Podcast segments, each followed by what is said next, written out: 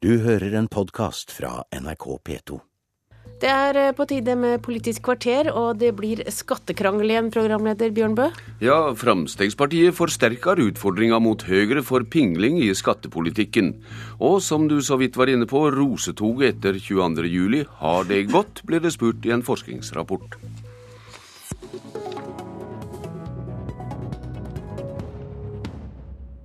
Nå går Høyre til valg på lavere skatte- og avgiftsreduksjoner i neste stortingsperiode.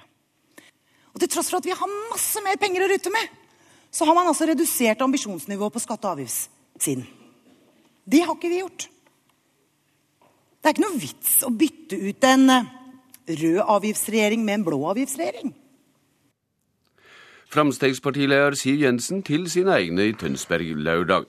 Finanstalsmann i Høyre Jan Tore Sanner, Siv Jensen vil kjempe med dykk om skattetrøtte velgere. I hva grad bør det skjerpe tonen fra det programutkastet Jensen mener syner liten skilnad på rødt og blått? Vi tåler eh, veldig godt eh, den diskusjonen, fordi det er eh, mye mer som samler alle de fire borgerlige partiene, enn som, som splitter. Og det gjelder også i, i skattepolitikken. Mm. Vi har et uh, ambisiøst program for å redusere skatter og avgifter. Vi skal uh, trappe ned og fjerne formuesskatten, arveavgiften, fordi at de straffer sparing og investering i norske arbeidsplasser. Og vi skal senke skatten på de lave lønnsinntektene for å gjøre det mer lønnsomt å jobbe. Men dette er altfor smått, mener Jensen, og hun har gjerne rett i at det er oppslutninga i valg som avgjør om det er Høyre eller Fremskrittspartiet som får gjennomslag? Vi har jo en ambisjon om et godt samarbeid mellom alle de fire borgerlige partiene, og da er jeg helt overbevist om at vi kommer til å bli, bli enige. Det vi er opptatt av, det er at de løftene vi gir, de må vi også kunne holde.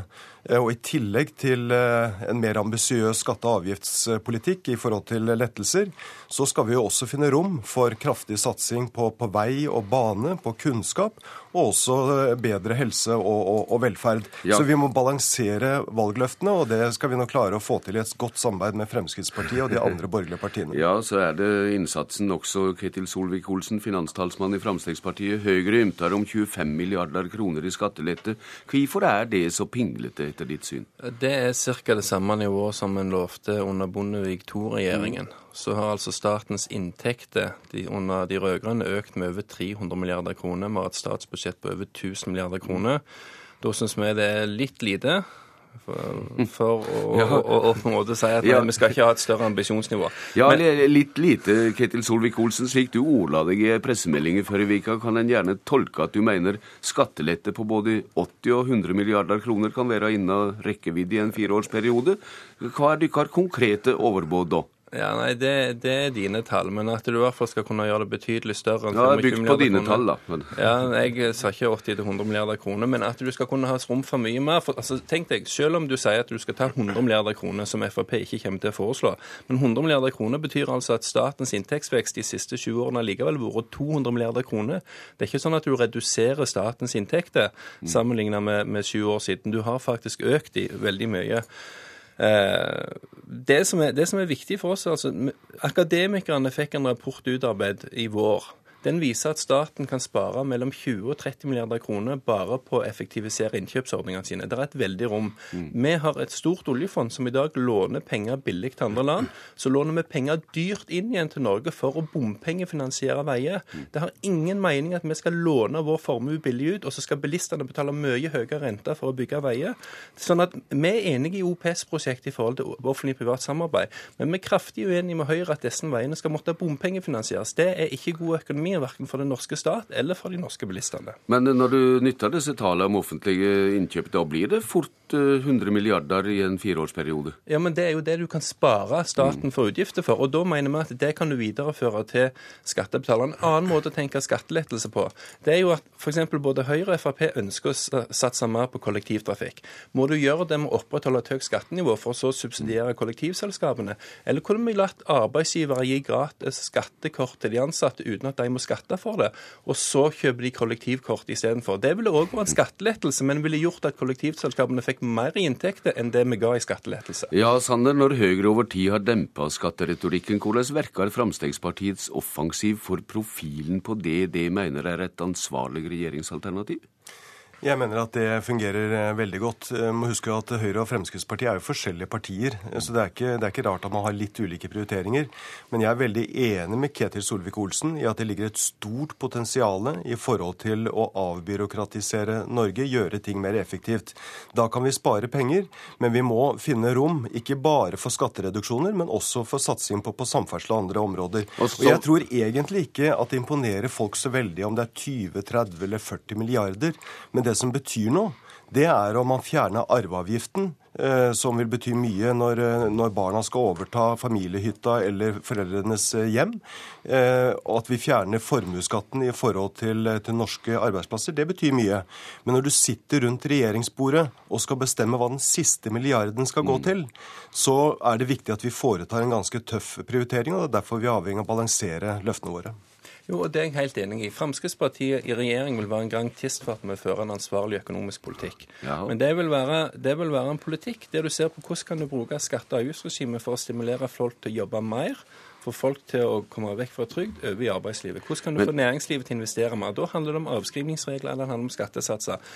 Eh, og Vi mener òg at det er rom for å bygge ut mer infrastruktur i Norge, fordi at det vil òg effektivisere økonomien. Det å bygge ut infrastruktur reduserer press i økonomien ja. når veien står ferdig, det øker det ikke. Det utfordrer helt åpent Høyre i skattepolitikken. Siv Jensen sa lørdag at hun har et kjærlig tilhøve til resten av opposisjonen. Eh, Solvik-Olsen, hvordan finner en kjærleiken i et bikkjeslagsmål om skatt? Nei, men Jeg syns ikke dette er et bikkjeslagsmål om skatt. Dette handler om å være uenig om hvor langt en skal gå. Ja, Det beiter på de samme velgerne, ikke sant? Jo, det gjør vi. Og her her vil folk som vil ha en mer offensiv satsing på skattelettelse, gå til Frp, og de som måtte bli moderate, vil være gå til Høyre. Sånn er det ofte. Altså, vi, er, si, vi, er, de unge gründernes parti, Høyre er de gamle pengenes parti. Men vi begge vil gå i samme retning når det gjelder å faktisk frigjøre næringslivet fra byråkratiets åk, sånn som under de rød-grønne.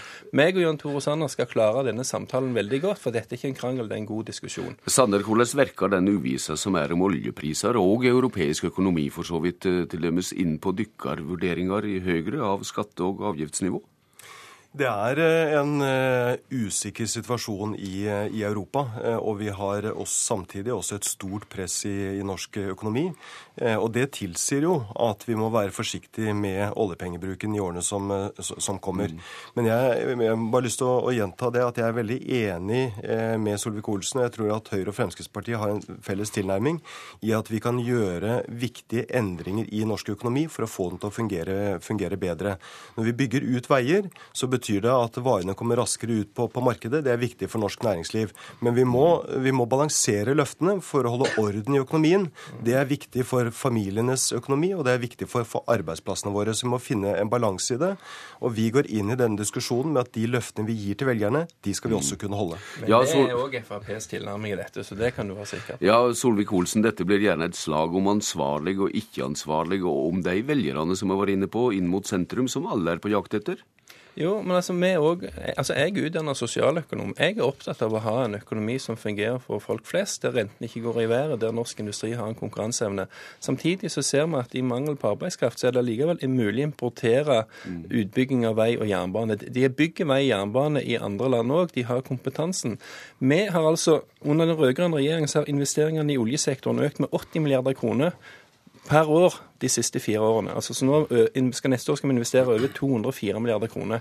Hvis vi hadde foreslått den samme økningen på vei, så hadde vi med en gang fått inflasjonsdebatten. Når en gjør det på norsk sokkel, så, så, så er den debatten fraværende. Jeg aksepterer ikke at oljeinvesteringer ikke betyr noe for økonomien, mens vei er, angivelig er veldig inflasjonsdrivende. Men du ser at Siv Jensens retorikk freser opp motsittene til Høyre i skattepolitikken? Nei, hun freser ikke opp, men hun ønsker å klargjøre at det er en forskjell på Høyre og Frp på hvor mye vi ønsker å satse på skattepolitikk politikk som en del av det å stimulere norsk næringsliv og norsk arbeidskraft. Og Det er helt naturlige ulikheter mellom, mellom, to partier. Det som betyr noe, er at alle de fire borgerlige partiene trekker i samme retning. Og vi skal få til en skattepolitikk som er bra for gründerne, som er bra for de som skaper arbeidsplassene, og som er bra for norske familier. Men også skattepolitikken den må balanseres mot løfter på andre områder, for vi skal få til noe både på vei og på helse- og velferdspolitikken. Det er vi helt enig i. Da er det valg. Takk til dere i dag.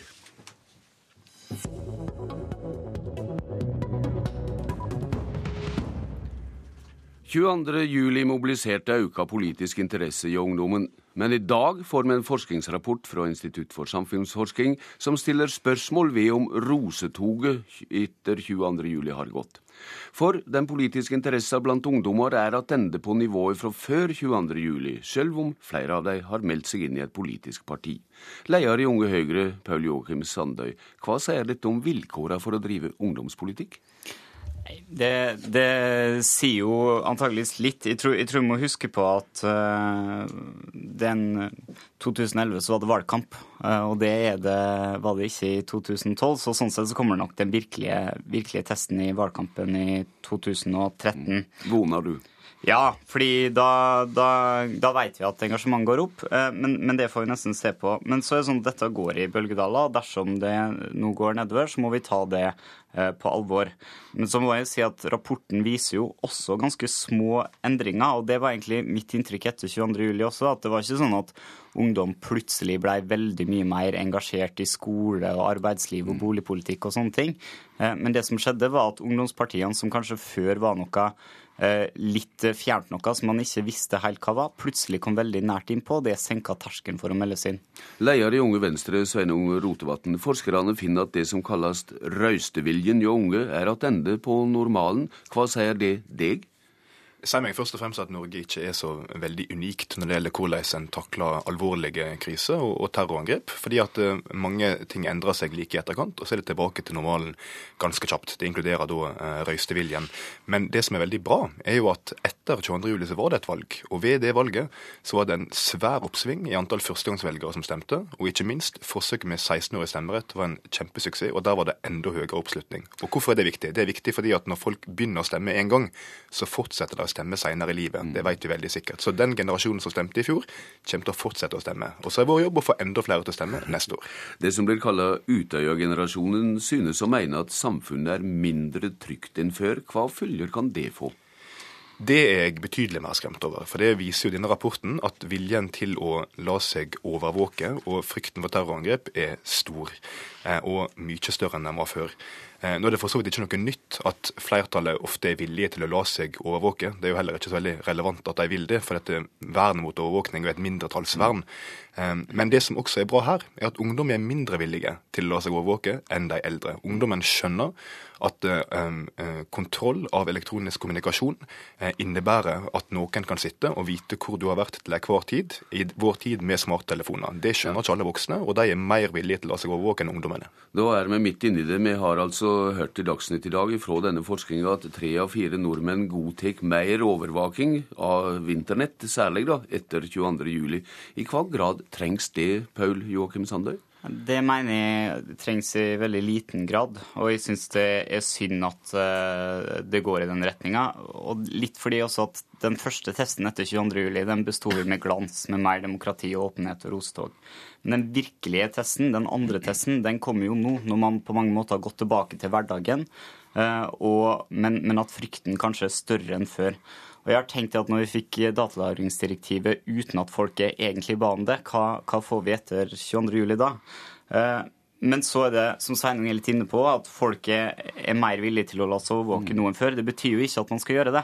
Og, og jeg tror at vi trengte sterke ledere etter 22.07, men vi trenger virkelig sterke ledere nå også, som eh, rydder opp i det som er feil, og som tar folks frykt på alvor, men som samtidig ikke er villig til å ofre friheten og personvernet og den liberale rettsstaten. Hvordan opplever du, Rotevatn, spennet nettopp mellom dine liberale verdier og det at folk godtar mer overvåking for å kjenne seg trygge, og at de har tillit til styremakten i slike saker? Nei, Dette er jeg ganske vant til. for det å stå på de grunnleggende liberale rettighetene er ofte vanskelig. Fordi flertallet ofte vil la seg overvåke, fordi de tror at det vil føre til litt mer trygghet. Og de har tillit til styremaktene? Ja, og dette er jo på en måte den tveegga sida av, av nordmenns tillit til styresmaktene. For på ene sida er det veldig bra, det skaper et samfunn med samhold. Men det skaper også en vilje til å la seg overvåke fordi en tror at staten vil deg ikke noe vondt. Det vi må huske på, er at etter 22. juli har det vært en 22. juli-kommisjon. Og de har sett på alt som gikk galt i fjor. Um, og det er grunn til at folk skal være, uh, være nervøse til en viss grad, fordi at det var en del ting som svikta. Men det var ikke overvåkning som svikta, eller strenge straffer. Det som svikta, var at staten ved politiet ikke kunne bruke de virkemidlene de allerede hadde. Så vi har det vi trenger av hjemler. Nå må vi få et politi som fungerer, ikke mer overvåkning. Men eh, Sandøy, politikk det er eh, tillit hjå folk. Og hvordan håndterer du politisk da Det må du gjøre. At folk godtar mer overvåking for å kjenne seg trygge. Men eh, jeg tenker at politikk det handler av og til om å lytte, og av og til handler det om å lede. Og eh, stemningsbølger det går eh, som sagt i bølgedaler, men eh, da er det politikerne sin oppgave å være tøffe og stå på de eh, prinsippene man tror på, og det går bl.a. på å bevare, bevare personvernet. Takk til deg, Paul Joakim Sandøy, og til deg, Sveinung Rotevatn. Politisk kvarter er slutt. Jeg heter Bjørn Bø. Du har hørt en podkast fra NRK P2.